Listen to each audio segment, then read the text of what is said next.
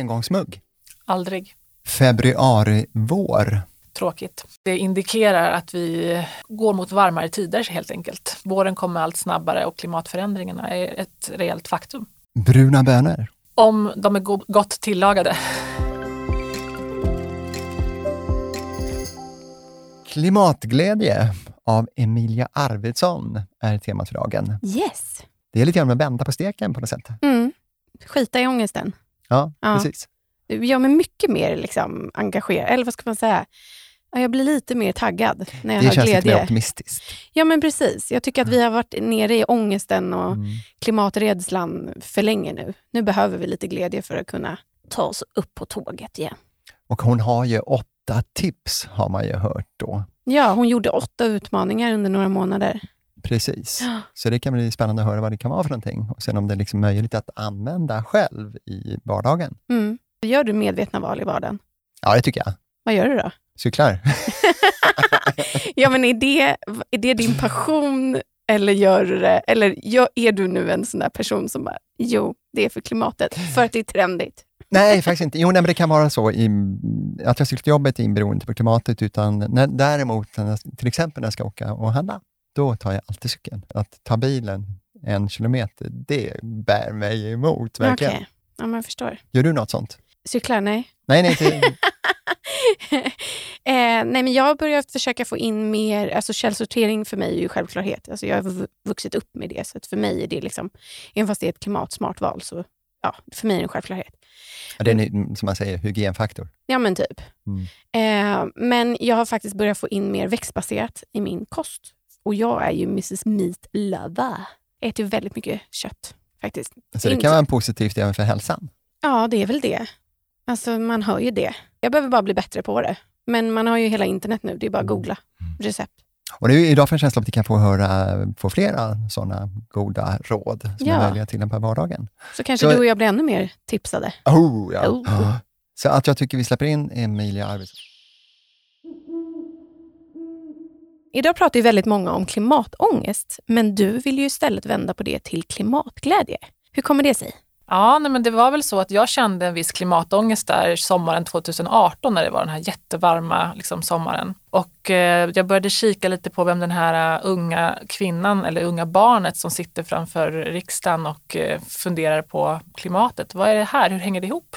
Och sen så började jag fundera på hur vi ser på saker och hur saker känns. Och då tänkte jag så att det jag vill känna är ju faktiskt klimatglädje. Kan vi hitta en väg ut ur klimatångesten helt enkelt? Och då skrev du en bok. Ja, jag skrev först en synopsis till en bok, men eh, ganska snart så hittade jag ett förlag som också ville ge ut boken. Så det var fantastiskt att faktiskt skapa någon form av både liksom bokmaterial, men också ett sätt att eh, utmana mig själv. För boken är ju väldigt mycket saker som man gör aktivt i vardagen. Så det blev ju ett, ett experiment, kan jag säga. Och hur ska vi göra då för att känna klimatglädje istället för ångest? Framförallt så tror jag att vi behöver koppla eh, klimatfrågan till eh, meningsfullhet. Alltså att om man kan skapa mening ur klimatfrågan så blir det mycket lättare. Och det finns ju massa olika saker vi kan göra i vardagen för att förbättra för klimatet. Och många säger att vi inte ska lasta individen för klimatfrågan och det, det håller jag fullt med om. Det finns, vi måste lägga krut på att göra de största möjliga förändringarna, alltså både på systemnivå och på politiskt sätt. Men det är någon som ska välja också politiker och det är också folk som ska vänja sig vid olika eh, kanske restriktioner eller regler eller annat som, som man kan använda som styrmedel. Och då tänker jag att vi behöver klimatglädje i våra liv för att kunna välja rätt personer som ska styra, styra kosan åt rätt håll helt enkelt. Men det kan väl även handla i vardagen, alltså för, en, för individen. Att göra de rätta valen, till exempel kanske att eh, ta bussen eller vad det nu kan vara för någonting istället för bilen. Är det den typen av eh, val man kan göra? Ja, alltså, jag, jag valde ju åtta stycken olika utmaningar. Till och med när jag hör det nu så känner jag mig liksom, hur orkade jag? Men det, det var ju bland annat det här att ta, göra smarta, ta smarta beslut. Jag bor i Stockholm, det finns ju bussar överallt. Ändå där jag bor, i de villaområdena där jag bor, så har ju de allra flesta varsin bil eller kanske två. Och det behövs inte. Vi sålde vår bil i somras för då hade den stått still i nästan ett år. Och jag tänker på det här med att tänka nytt, till exempel mobilitetstjänster. Vi kanske visst behöver ha bil, men vi behöver inte ha det dygnet runt varje dag. Så det är någonstans där också att man börjar kritiskt granska sin egen livsstil men utan att skambelägga då, utan snarare liksom försöka se hur kan jag göra det här annorlunda? Och på ett positivt sätt då? Det behöver liksom inte vara tråkigt. Nej, alltså, det var väldigt roligt att göra det här. Framförallt när jag för första gången kom med en eh, växtbaserad matlåda till min eh, kompis och vi skulle liksom äta lunch tillsammans. jag hade gjort, det var så tråkig mat. Det var bara vita bönor, paprika och pasta. Och hon skrattade så för hon insåg ju att jag hade ju inte riktigt koll på det här. Men då kunde jag lite senare försöka utveckla och lära mig att laga lite mer växtbaserad mat. Så det, liksom, vägen dit är ju inte alltid spikrak. Man måste kunna få göra misstag. Eh, samma sak med vår konsumtion. Vi behöver ju också lära oss på, på ett nytt sätt. Hur ska vi konsumera till exempel? Och det, låter, det blir ju lättare på något sätt. Bara jag hör glädje istället för ångest så blir det ju som att ta tag i det där blir ju lättare. Mm. Alltså det är ju positivt tänkande med en gång vilket får min kropp att reagera och vilja göra någonting åt det. Mm. Men det är också väldigt många som pratar om att ja, men det är industrierna som gör det största klimatpåverkan. Och spelar det någon roll vad jag gör då? Är det många som frågar sig. Ja, alltså, som jag nämnde tidigare så tror jag att det absolut spelar roll eftersom vi behöver också värderingar som finns i samhället som gör att vi går åt rätt håll. Vi måste liksom få med oss liksom den stora massan också. Så att det, det, är inte antingen eller utan det är ju faktiskt både och. Eh, och min, min, satsning var ju att försöka nå individen, nå de som kanske har ett litet uppvaknande och, och ett miljöintresse. Jag själv hade ju inte en susning om någonting innan jag skrev boken. Så det är inte så att jag har ett, haft ett starkt miljöintresse eller klimatintresse utan det det slog ner som en blixt från klar himmel. Så att som svar på din fråga så tror jag verkligen att det är både och. Men det finns ju de som menar att eh, själv ska man inte behöva göra några uppoffringar. Själv ska man inte behöva ändra livsstil, utan vi får lita till tekniken och till politikerna. Jag kan ju tycka själv att det kan vara lite farligt att, att tänka så, utan jag tror man får vara beredd på att faktiskt ändra lite livsstil själv och ändra lite uppfattningar. Hur ser du på det? Jag tror absolut att det finns ett eget ansvar också, framförallt när det gäller våra de här basvalen, alltså hur vi äter, hur vi transporterar oss, hur vi konsumerar. Vi har någonstans ändå ett val, särskilt om man bor i ett land som Sverige. Det finns möjligheter att göra på andra vis. Eh, tekniken, absolut, ja, där behöver vi bli, eh, fortsätta, fortsätta på den vägen. Men det kommer inte vara det som avgör. Utan jag, för min ståndpunkt är att jag tror att det är den stora massan som kommer driva på förändring till slut. För att man kommer att inse att att det behövs en förändring, en modig förändring också. För det här är ju saker som både kräver hjärnarbete, hur ska vi få ekonomin att gå ihop ifall vi ska sänka de konsumtionsbaserade utsläppen? Men kanske är det så att konsument, eller konsumtionen ska vara lite mer cirkulär. Och hur gör vi då? Och hur ska vi tänka kring transporter och så vidare? Så det finns det är såklart olika sätt att se på det, men jag, jag, tror ju på att den stora massan kommer vara den som puttar helt enkelt framåt. Och det blir väl lite som du sa också, lättare om man är medveten om klimatet och sin egen påverkan så gör man medvetet val när man röstar på politiker. Nej, men vilket parti ska jag rösta på? Ja, ja men det blir ju jätteintressant att se nu. Det är ju valår också så mm. det kommer ju bli många fram och tillbaka vem som har bäst klimatpolitik eller sämst för den delen. Men vi har ju forskning, alltså det, all, allt som vi behöver göra, vi, vi vet redan att man, hur man kan göra det. Det finns olika rapporter och forsknings, forskning som skrivs på varje dag. Jag menar, det finns lösningar men vi behöver kanske ha ett litet skifte rent mentalt också, för vi gör ju som vi alltid har gjort. Vi handlar den mat som vi alltid har handlat, vi reser som vi alltid har gjort, vi tittar på våra grannar. Skulle ingen granne hos mig ha bil, skulle jag ha bil då? Om vi hade en bilpool, skulle jag nyttja den istället för att ha en egen bil? Alltså det är mycket där att man sneglar på varann också. Hur gör han? Hur gör hon? Det var lite grann en gammal vana på något sätt också tror jag. Man, har, man ska ju ha en bil på något sätt. Var inte det lite status? Alltså jag ja, ja, och morfars Jag är lite rädd för att det kan handla lite grann om status. Jag kände, på det, jag kände det idag förresten när jag cyklade till jobbet. Att eh, det är ganska vanligt det där att eh, jag kommer med min cykel, och sen så kommer bilarna som liksom ska visa, att här är minsann jag som bestämmer. Just det. Och jag tror inte alltid de behöver ha den där bilen. Nej. Utan de, åker, de kör bilen för att uh, manifestera någonting får jag en känsla av många mm. gånger. Speciellt med lite är det för att du är en sån som cyklar i trafiken? Jag tror ja, jag men, nej, men jag, jag, jag kör ju bil också. Men uh, den här vardagsåkningen, den kan man ju dra ner på ganska ordentligt. Ja, Det tror jag också. Jag tror att det finns, bara man vågar tänka nytt och också provar på det hela.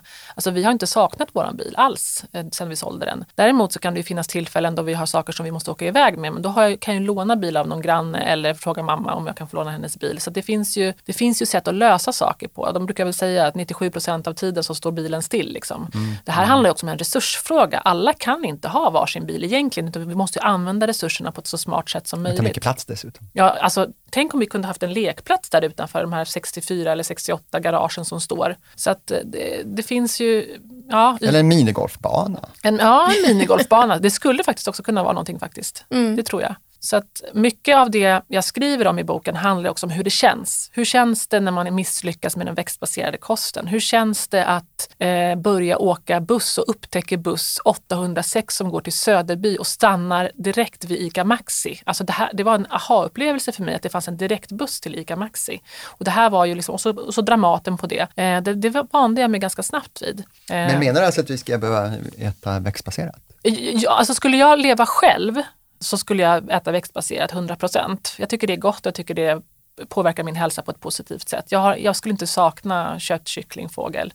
Kött, kött kyckling, fågel, det är väl samma sak höll jag på att säga. Men, eh, men vi alla förstår, köttet. Ja, köttet framförallt. Men, men jag bor ju också i ett sammanhang i en familj och där behöver vi liksom komma överens om hur vi äter. Men jag, påver- alltså jag pushar ju rätt mycket, det gör jag.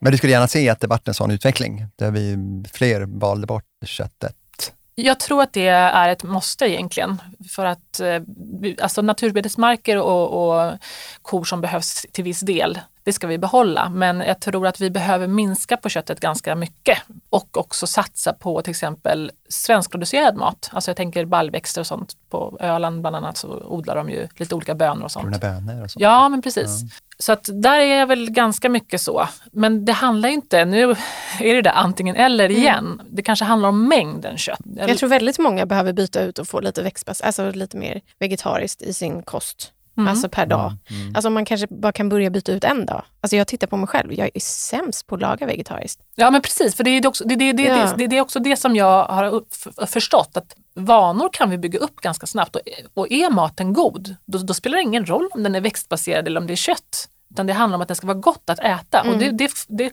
kvarhåller jag. Det måste vi ju ha, vi måste ha god mat. Du gjorde åtta utmaningar. Vilka var de? För det första, så, min första största utmaning har ju under åren varit att leva köpfritt. Så det skrev jag ett kapitel om, hur det är att leva ett köpfritt liv. Eh, och det handlade om konsumtion och där fick jag också träffa Cecilia Soler som är forskare, eller docent vid ehm, Göteborgs universitet. Och hon pratade om det här med att den psykiska ohälsan går uppåt och konsumtionen går uppåt. Och vad finns det för korrelation här till exempel? Eh, och sen har jag gjort matsvinnskampen. Den är ju speciell, alltså att inte slänga mat. För det är svårt med de här liksom fullpackade kylskåpen och det är saker som är bakom och framför. Eh, men den var också väldigt liksom, lärorik, att man faktiskt sparar tid genom att inte slänga mat. Om man ser ur det perspektivet, vi har ju så bråttom med allting. Men om vi inte har det så kan vi faktiskt på sikt spara tid eftersom vi faktiskt äter upp den mat som vi en gång har lagat. Inte att man köper, åker till affären, kommer hem, lagar, lägger in i kylskåpet och sen slänger. Den, den eh, onda cirkeln vill vi ju bort ifrån. Och sen så var det det här med vatten, att jag ville undersöka hur mycket vatten vi använder hemma och så gick jag och kollade på någon, någon liten sån här statistikmätare och började liksom mäta hur mycket, hur mycket duschar jag för och så. Och där handlade det väl inte så mycket om att minska, även om vi gjorde det ganska rejält. Men, men det handlade om att få någon slags vattenmedvetenhet. Så jag skriver mycket utifrån hur viktigt vattnet är. Alltså vi, vi, har, vi har ju väldigt fint vatten här i Sverige men alltså, i vissa länder är det ju liksom supersvårt med rening och så vidare. Och sen energijakten och den är väl extra intressant nu när de här elräkningarna kom här mm. under våren. Mm, ja, det är intressant av flera skäl. Ja, ja precis. Mm. Och jag tänkte också på det när de erbjöd en, en så kallad något litet bidrag för att betala den där ja, elräkningen. Jag tror det var mm. max 2000 kronor eh, per, per eh, hus. Ja. ja Men då undrar jag, så här, borde man inte ställa krav på någon slags energieffektivisering? Vi kan ju liksom inte bara rulla på och tänka att någon annan ska betala det där. Så att det var faktiskt en, en, en kvinna som skrev på Instagram att de kommer inte att söka det här stödet utan de kommer försöka fokusera på att ha bra fönster, ha koll på värmen i huset. Vi ger ju verkligen fel signaler kan jag känna. Jag tycker istället också för att det. energieffektiviserar, istället för att skaffa bergvärme eller vad det kan vara för någonting så Ja men precis. Vi, vi testade ju med att energieffektivisera i det vi kunde vi har fjärrvärme så det, det, är ju väldigt, det är ju rätt skönt. Men sen så är det en massa annat el som behövs. Och vi sparade väl en 600 kilowattimmar per år genom den här då utmaningen som jag gjorde. Och det handlade om att ta bort standby-lägen, det handlade om att använda ekotvätt på både diskmaskin och tvättmaskin. Men också att veta att man ibland måste köra på det vanliga programmet annars, annars så förstörs tvättmaskinen och diskmaskinen. Och så där höll jag på. Liksom, mm. att det fanns hela tiden någonting som inte bara är svart eller vitt utan man måste veta och ha lite kunskap. Och så var det bilfritt då en månad. Den var svår då. Mm. Den var svår då. Att vänja sig av liksom. Precis, och det här med att... Eh, Men den låter självklar idag? Idag är det jättesjälvklart. Det är helt otroligt. Nu har jag faktiskt en ellådcykel och med tanke på att jag bor i en kommun där det mesta går att nås inom en radie, ja, fem kilometer eller max som jag åker på en enkel resa. Så att, eh, men den, den, testade vi och då, det var då jag hittade de här bussarna som går dit jag vill att de ska gå. Och sen upptäckte jag också att det fanns bussar som inte gick. Det vill säga att jag skulle vilja berätta för kommunen att här, den här resan skulle jag vilja göra. Här finns en liten lucka. Här finns en liten lucka, precis. Sen bodde jag kollektivt en liten kort period på två till tre dagar. Det räckte kan jag säga. Eh, Hur då? Eller vad då? Lämnade du familjen och bodde kollektivt? Ja. Nej, men gud vad kul. Eller tog med dig familjen? Nej, det gjorde jag inte.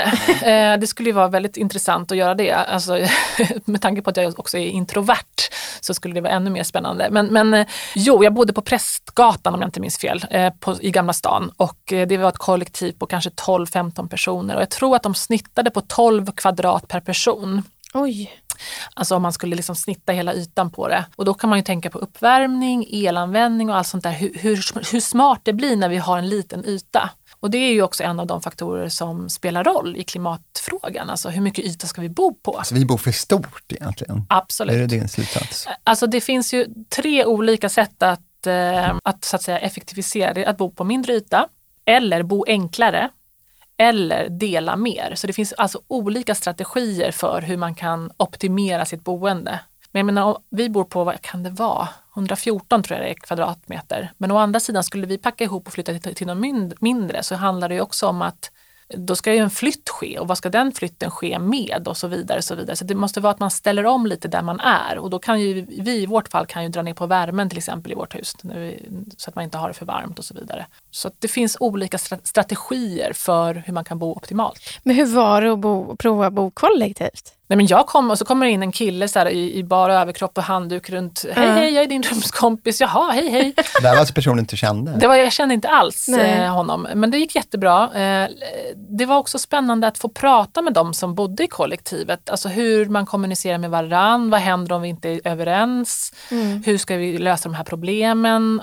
Men också mycket det här gemenskap, att man vill ha det här gemensamma boendet också för sällskapets skull. Men kan du se det här som en boende för framtiden? Absolut. Det känns lite som att vi går tillbaka, eller att göra ja, om. Just, jag hade lite grann tillbaka till 70-talet. Ja. Ja. ja, men det finns ju, det finns ju, ja, men det finns mm. prof, liksom, professionella kollektiv där man mm. också har ett modernt kollektiv där man till exempel liksom har, man har alla ytor gemensamma, kanske något eget rum. Det finns ett där, där man har för familjer så att familjer kan bo tillsammans i kollektivt. Och då delar man ju på träningsredskap, man delar på kläder. Och bilar förstås. Ja, ja men precis. Och är det inne i stan så behöver man ju knappt någon bil. Nej. nej. Var det alla åtta? det var ju lite, det var lite, det var ju en trend det där samtidigt då kan man säga. Absolut. Du frågar om det var alla. Jag har gjort mm. en till har jag gjort mm. och det är det här med avfall. Alltså det handlar inte bara om att källsortera utan det handlar om att inte skapa något avfall alls egentligen. Ehm, det som jag tyckte var mest intressant det var ju att elektronik är ju en sån stark alltså bidragande effekt på klimatet. Så en vecka innan jag ska redigera min bok så går min dator sönder. Nu är jag inom citationstecken här. Och då tänkte jag, jag måste ha ny. Men då hade jag ju precis läst på då att elektronik ska vi vara försiktiga med. Så eh, ja, jag bad min man som är före detta PC-tekniker att titta på datorn. Han började gräva i den. Vi försökte på, på alla olika vis och till slut så sa han, jag tror vi kan köpa en ny, kan det vara hårddisk? Så köpte vi det för 900 kronor och han lagar den och den går som tåget nu. Den är från 2012 och eh, still going strong. Så man ska ha en PC-tekniker och en bilmekaniker Men Jag hemma. tror att just ja. okunskapen kring det tekniska gör att vi gärna slänger. Jag hade nog slängt och köpt en ny. Ja, för jo, jag, är så här, jag kan inte. Gjort, ja. ja. det tror jag också. Men, men problem, problemet är ju bara att, att, hur många datorer behöver världen så att mm. säga. Men grejen är väl egentligen, mm. det hade kanske inte behövt, man behöver kanske inte ha den här mekanikern eller teknikern hemma utan det ska ju kunna finnas reserv, eller reparations ställen. Precis, de, de pratar mycket om det här reparerbarhet. Ja, Att du ska kunna, och det, men det är också det att hur löser du ditt problem? Du ska börja redigera en bok, du är stressad, liksom kortisolet är uppe i taket. Och också vanan, hur brukade jag lösa mina problem? Och det är ju så att de flesta har ju en lösning genom att köpa nytt. För det är mycket enklare. Det går snabbare. Det Liksom. går snabbare, precis. Vi måste vara beredda att betala för reparation. Det är också, det, är lite, det skaver lite grann. Men jag menar 900 kronor för en hårddisk som gjorde att datorn blev mycket bättre. Det är ju ändå någonstans rimligt om du tar det i relation till om du hade betalat för en ny dator. Och sen så är det någonting som jag brukar kalla för miljökvittot. Det är ju det kvittot som aldrig, aldrig skrivs ut. Det vill säga när vi köper någonting så finns det ju en kostnad där för miljön. Och det tror jag är viktigt att komma ihåg. Ja, men det är väl lite som vi pratade med Johan Kuylenstierna om, att eh, fler borde sy sina kläder, alltså lämna in dem till skräddare och återanvända än att man bara slit och släng. ja det är lite samma grej. Ja. Ja men precis, Ja. både med sådana saker.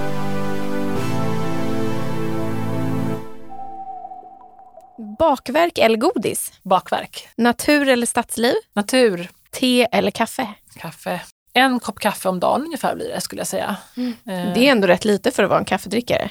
Ja, men jag försöker hålla mig för jag blir så stingslig annars. Jag blir liksom lite på e- edgy om jag äter Så det är inget så här klimatpåverkanstänk med kaffet, utan det Och är... mycket vatten. Ja, det är mycket vatten och det är Mm. transporter och så vidare och det gäller också att välja rätt sorts kaffe. Egentligen så är det så med all mat har ju påverkan. Även linser och baljväxter och allt det här. Det finns ju alltid en påverkan. Det vi gör med vår jord kommer ju lämna avtryck. Men frågan är hur mycket vi ska göra med det. Så att jag tänker att återigen volym. Hur mycket, hur mycket kaffe ska jag dricka? Liksom vara lite, lite sparsmakad där.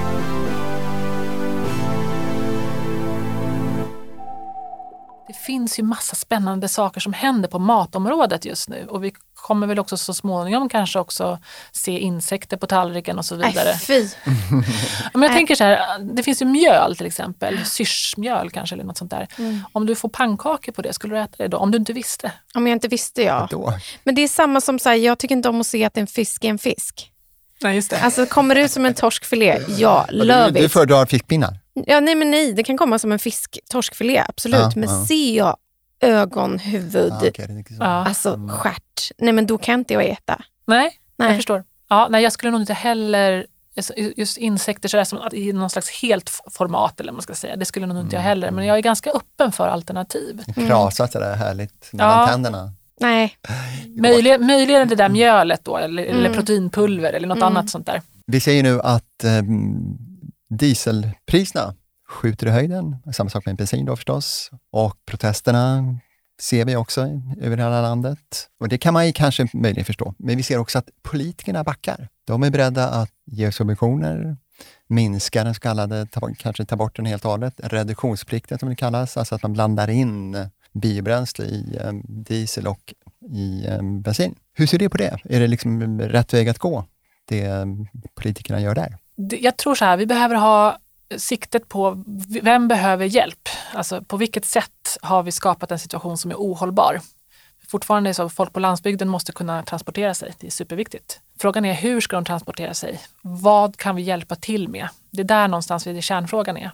Så att jag, kan, jag kommer inte säga varken bu eller bä här vad man, vad man gör, att de, att de backar och så. Jag, jag tänker mer att vi, vi har förmodligen lösningar. Vi måste bara försöka se till att de blir till, kommer till helt enkelt. Och där har ju politikerna ett stort liksom, ansvar för att underlätta. Det finns en forskare på Lunds universitet som tittar just på det här. Hur skulle det kunna se ut på landsbygd? Kan man ha liksom en mobilitetsgaranti eller någonting annat som gör att det faktiskt funkar? Det ser helt enkelt olika ut. Och jag brukar ju också säga att vi som bor i stan, vi måste ju liksom hålla våra kilometrar och ge bort dem till någon annan. Så att, ja, jag vet inte om du fick svar på din fråga. Det här är inte mitt... Jo, nej, men jag tolkar det lite grann som att eh, den här omställningen, gröna omställningen får liksom inte bli för brutal, för då kommer det slå tillbaka. Att folk ställer inte upp på den. Det är lite grann så. Du, Ja, jag tänker att vi måste hitta, jag, jag tänker att lösningen på det här problemet kan se olika ut. Eh, och med teknik och med kommunikation och, och andra typer av lösningar så tror jag att vi kommer hitta så att alla känner sig nöjda. Nu låter jag så väldigt, nästan lite politisk, eller hur? Jag är det undviker frågan. Men den, ja, den är inte, det är inte någon lätt liksom, nej, det är det att knäcka. inte. Nej. Det är det förstås inte. Och det Jag menar- märker man ju redan nu att de börjar in, alltså, eh, olika partier just tar den här frågan i sin marknadsföring redan nu. Absolut. Har jag ju sett. Så här, elpriserna har gått upp. Vi Ja. Socialdemokraterna. Man bara, men vänta, satt inte ni? Okej. Ja. Ja. Den, är ju, den frågan är ju, den ligger nog väldigt högt på agendan tror jag. Alltså, transport är liksom en, en stor faktor som behöver tas hänsyn till. Eh, men jag tänker att vi i stan måste ta vårt ansvar och också försöka se Se, vi, våra kilometrar, det, det är någon annan som ska ha dem och då pratar jag alltså kilometrarna körda, körda i bilen. skickar upp de här kilometrarna till Norrland. Ja. Ja, men vi har ju så större möjligheter att röra oss på andra sätt. Men i Norrland till exempel är, är de ju beroende av det. ja, men precis. Ja. Och sen det här med liksom el, ja, men var, var ska de ladda någonstans? Det, det, Mm. så infrastrukturen behövs ju också. Så det, det är ja, viktigt och jag tror, jag tror att det kommer ligga högt på agendan också i årets val. Den här satsningen som nu görs på havsbaserad vindkraft, det låter ju som något idealt verkligen. Vad, vad tror du om den utvecklingen? Rätt väg att gå måste det ju vara, men tror att det kan finnas några hinder och tror att man bör underlätta etableringen utav dem? Du ställer svåra frågor Ja, det är Palle. verkligen Alltså, så här, på hög klimatglädje. Palle går till liksom. men, ja, precis, Nej, men så här är det, den, den bästa kilowattimmen, det är den som inte används. Det är, liksom min, det är min första ståndpunkt. Så vi behöver bli duktiga på att använda energi på ett smart sätt och också se det som en resurs. Det är jättebra med vindkraft om man ser till att alla miljö, så att säga, kraven följs och så vidare. För det finns säkert en, en hel drös med regler som ska följas. Men det bästa vindkraftverket är det som inte behöver gjutas i betong någonstans. Så att det kräver ju också sina resurser. Energi kräver resurser.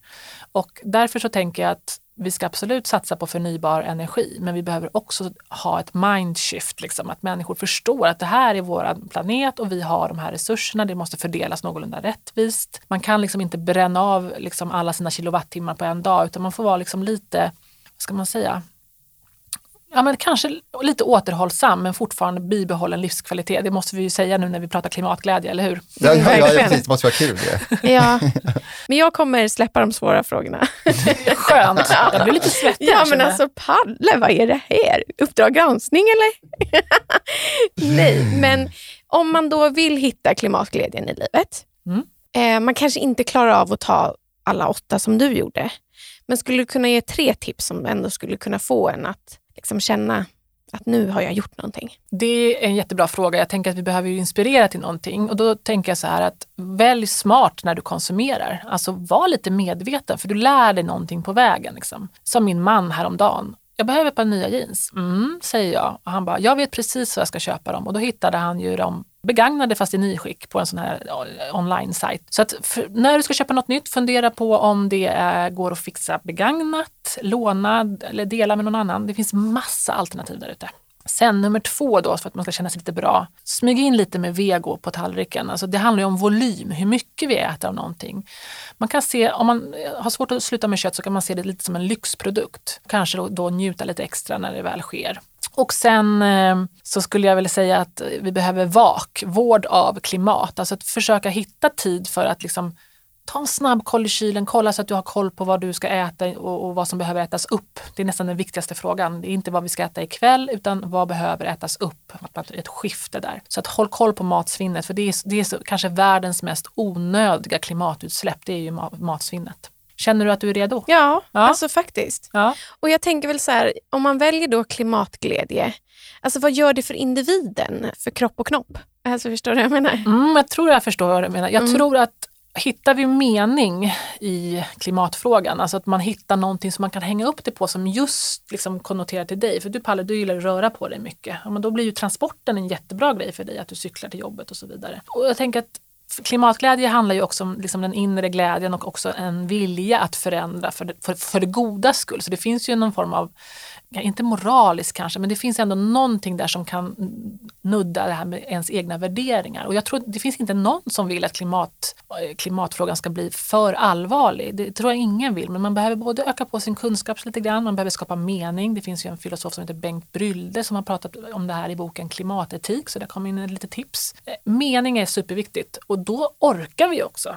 För det var ju inte helt lätt att göra alla åtta på under loppet av fyra månader som Nej, jag skulle gud. skriva boken. Liksom. Så det var väldigt intensivt kan man säga. Men det låter ju samtidigt som det är ganska mycket ett eh, skifte av mindset här. Man ska ju verkligen förändra, det är mycket i vardagen helt enkelt. Om man har ju sina vanor. Så här gäller det verkligen att eh, ha den här motivationen för att göra de här förändringarna. Motivationen är superviktig. Alltså, tycker du inte att det är roligt, då kommer det inte hålla i längden. För det, det måste finnas en, en, en, sikt också, att det ska kunna mm. hålla på lång sikt. Eh, det här med bilen... Ja, just det, precis. I kollektiv kan man ju bo ett par veckor sådär, men sen kanske man tröttnar. Ja, men jag var rätt nöjd efter tre kvällar. Liksom. Ja, jag, jag, jag var till bara tre kvällar. Ja, det, var det var en kort visit, men, men så. Ja. så att, nej, men exakt. Och jag tänker att eh, man måste börja någonstans, och sen kan man utöka det där. Eh, men jag menar, det mesta går ju att göra fast på andra sätt. Man gör det på ett annat sätt helt enkelt. Men, ta bara till exempel med kläder. Jag tror att det är ganska många som eh, känner att ja, jag vill ha mina egna kläder och det är jättekul att shoppa nya kläder. Mm. Mm. Men second hand och sånt blir väldigt, det är ju med trender återigen. Det är väldigt mm. inne nu. Mm. Alltså second hand och mm. vintage och allt sånt, mm. vilket är bra. En annan grej i det här, det är också, menar, hela vår ekonomi bygger på konsumtion egentligen och evig tillväxt, materiellt, ekonomiskt. Precis. Vad händer med den om vi anammar det här sättet att leva? Jag tänker så här, vad är det för skillnad på en tröja som säljs 600 gånger kontra en som säljs en gång? Det är ju att den ena är lite mer lönsam än den andra. Man kan sälja den om och om och om igen. Det finns ju hyrtjänster för kläder där man hyr kläder och sen så skickar man tillbaka det. Sen kan man ju diskutera det här med frågan hur blir det med transport och sådär. Men bara det faktum att samma tröja används 600 gånger gör ju att den blir ju väldigt värdefull för vår ekonomi. För den, den, man hyr ut den om och om, om, om igen helt enkelt. Så, mycket, mycket moms på den. Ja precis, mycket moms och mycket skatteintäkter. Så jag mm. tänker att man måste göra på ett nytt sätt. Sen vet inte jag om vilken är den optimala tillväxten. Liksom. Tillväxt går ju ut på att det ska hela tiden fortsätta. Men frågan är, nu är vi inne på det där miljökvittot igen. Vem ska betala den notan undrar jag? För den växer ju också tillsammans med tillväxten på ett negativt sätt. Då. Ska den bakas in i priset? Kan man tänka sig något sånt? Jag tror säkert att det kan finnas olika styrmedel för det där, liksom koldioxidskatt och så vidare. Men frågan är hur gör vi konsumenten medveten? Det, det är samma sak som att man köper en, en, burk med läsk och så är det pant på den. Inte går man omkring och funderar så mycket på det kanske. Man går och pantar den, det gör man. Men jag tänker att vi behöver också öppna upp ögonen lite mer för den faktiska utmaningen som vi står inför. Att vi behöver ha affärsmodeller som går i samklang med eh, vår klimatutmaning helt enkelt. Och jag har en idé. Fick det nu. Nu Tänk, kommer alltså, den! Jag vet inte vad jag ska säga i podden, jag kanske kan bli miljonär på det här. Men vore det inte bra om man hade typ i en klädbutik, när du får ditt kvitto så, stå, så har du handlat x antal artiklar. Så står det så här, just nu din klimatpåverkan, det här är ditt klimatkvitto. Du har, ja mm. precis, mm. dina val av de här produkterna gav det här klimatkvittot. Och bakom, alltså ni hör ju, alltså nu börjar det spinna. Bakom så står det också så här, ja, men vi har sålt så här mycket, vilket det här, den här veckan har vi gjort den här klimatpåverkan. Så är det på en liveskärm. Det är ju medvetenhet. Ja, det är verkligen medvetenhet. Men frågan är om klädbutiken vill göra detta. Nej, det vill de ju inte. Det vill de inte. Men, men jag tänker att får, man får ju då rösta. Påtvinga. Ja, det får ju bli någon form av motion. Att ja, just det. En, en regel. Ja, liksom. ja, en, regel. en lag. En lag. Ja. En lag.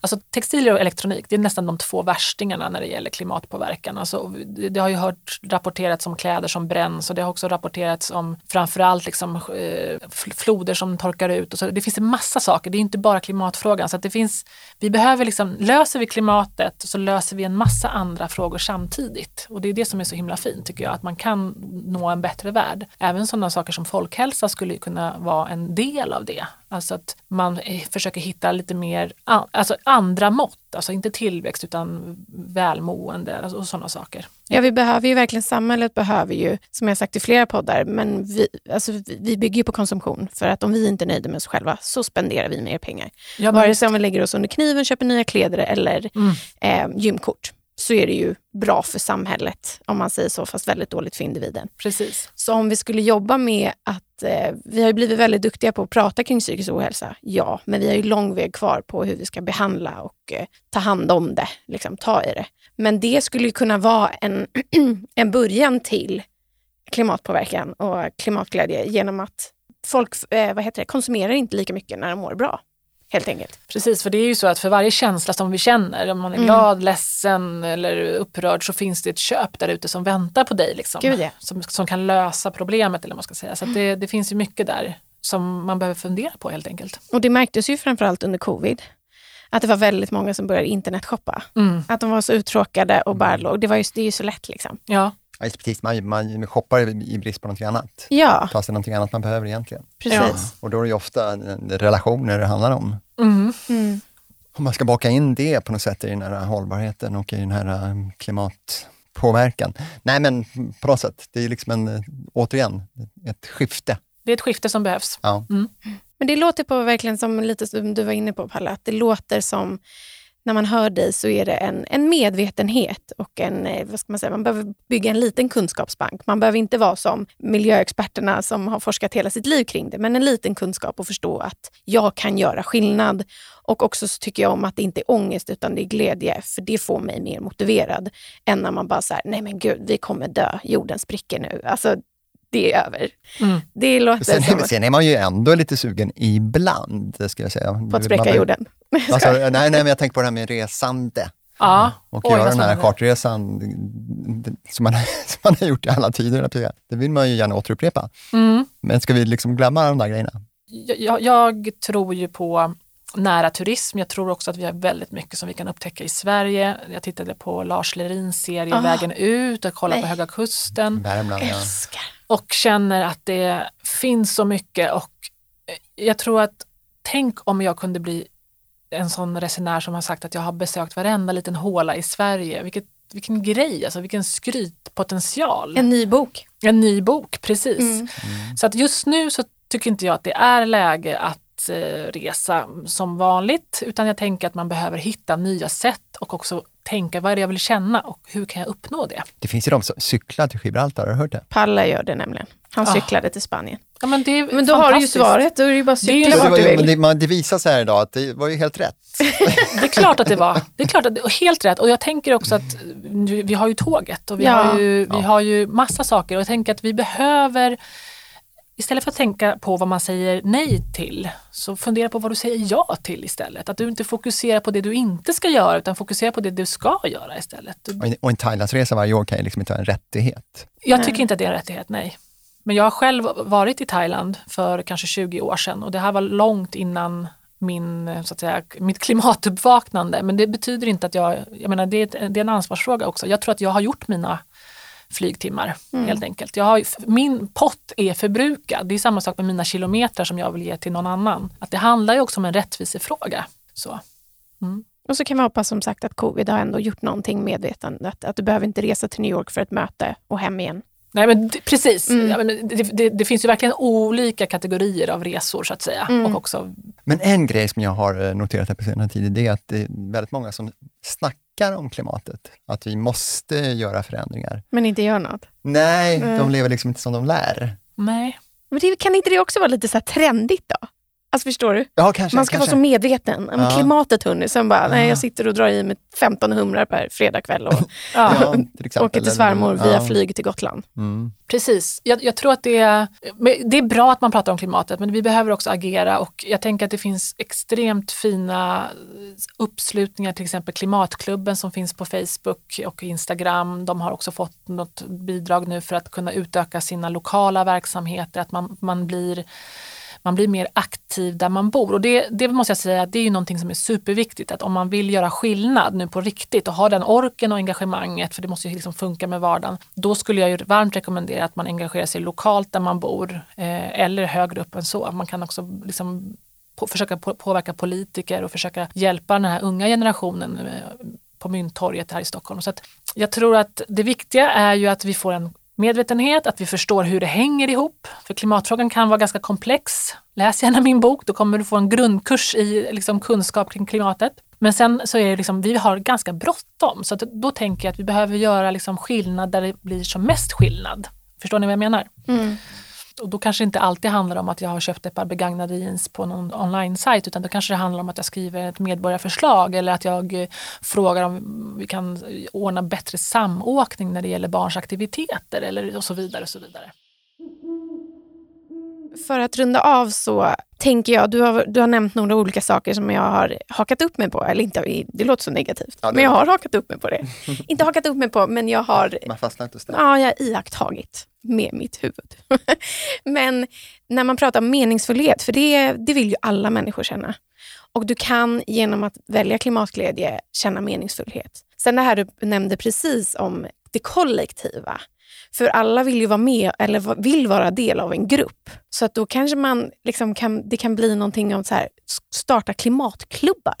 Alltså förstår ni, precis som vi har bokklubbar och vi har vinprovningar och vi har olika typer av träffar, att man kan liksom ha en klimatklubb. Alltså, okay, men nu går vi ihop några grannar. Vad ska vi göra i vårt kvarter? Eller vad ska vi göra i vår kommun? För att vi vill ju känna samhörighet. Och det kan man göra med klimatet. Ja, nej, men klimatet kan absolut samla människor kring en fråga och där kan man ju välja, det är lite som en godispåse. Liksom. Vilken, vad vill du liksom sätta krutet på? Är det liksom, eh, att försöka ordna lokal elförsörjning eller vad, vad, vad det nu kan vara?